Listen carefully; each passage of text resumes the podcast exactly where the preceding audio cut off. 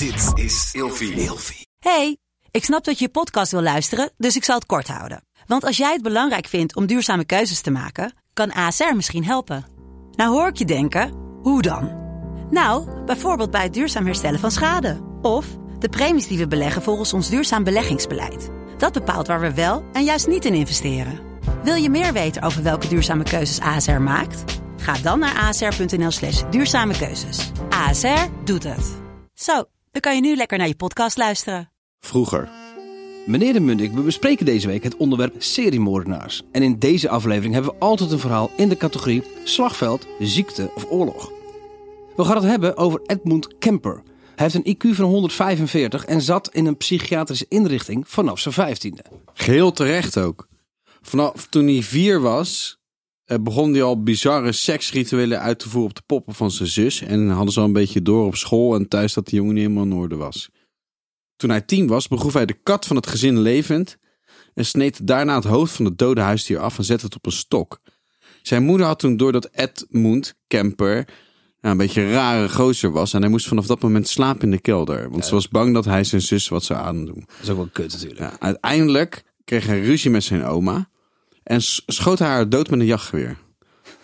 Vervolgens schoot hij ook zijn opa dood, want hij wilde niet dat opa erachter kwam dat hij zijn vrouw had vermoord. Ja, dat is gelukt. Dat weet opa ook niet. Nee, weet opa ook niet. Dus ja, de, het intellectuele erachter snap ik heel goed.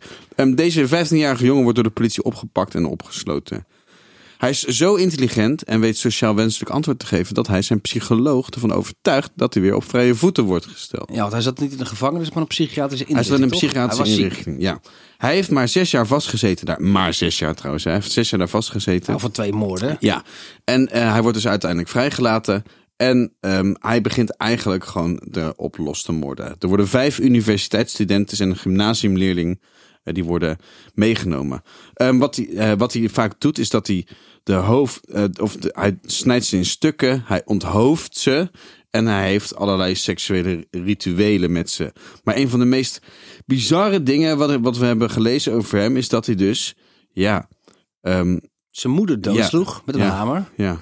En hij noemt dat zijn oeuvre, zijn meesterwerk. Hij onthoofde haar. Onthoofd En haar. toen, Jules? En daarna had hij orale seks met het afgehakte hoofd. Ik vind het echt heel luguber dit. En ehm, hij vond het dus zo... Ja, hij heeft het hoofd van zijn moeder als dartbord gebruikt. Hij sneed haar tong en strot de hoofd eruit en deed hij in de afwas shredder.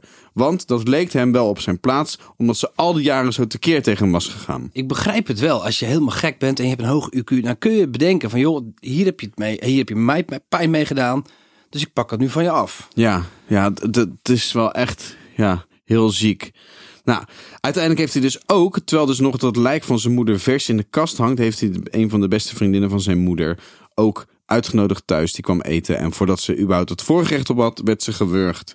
Dat noemt hij zijn meesterwerk. Ehm, uiteindelijk wordt hij opgepakt en geeft eigenlijk zijn misdaden gelijk toe. Zijn grote wens is om doodgemarteld te worden.